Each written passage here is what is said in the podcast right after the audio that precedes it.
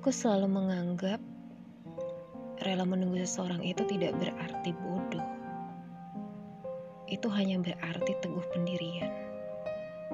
Karena sekuat apa pun kita menyangkal sesuatu yang dikatakan oleh hati, sekuat itu pula hati kita akan berusaha mendesak.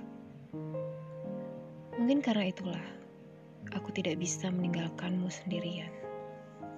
Meski dengan biadabnya, kau bertingkah seolah aku adalah buku harian yang cuma kau isi dengan keluh kesahmu, tanpa perlu kau tanyakan bagaimana perasaanku.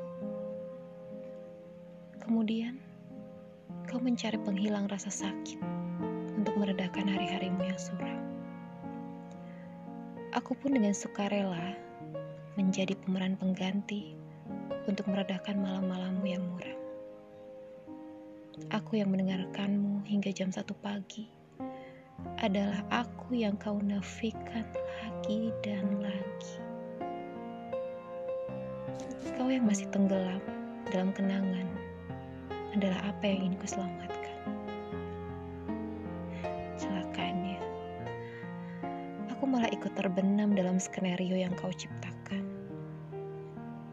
Dan kita menjadi terbiasa untuk pura-pura tertawa.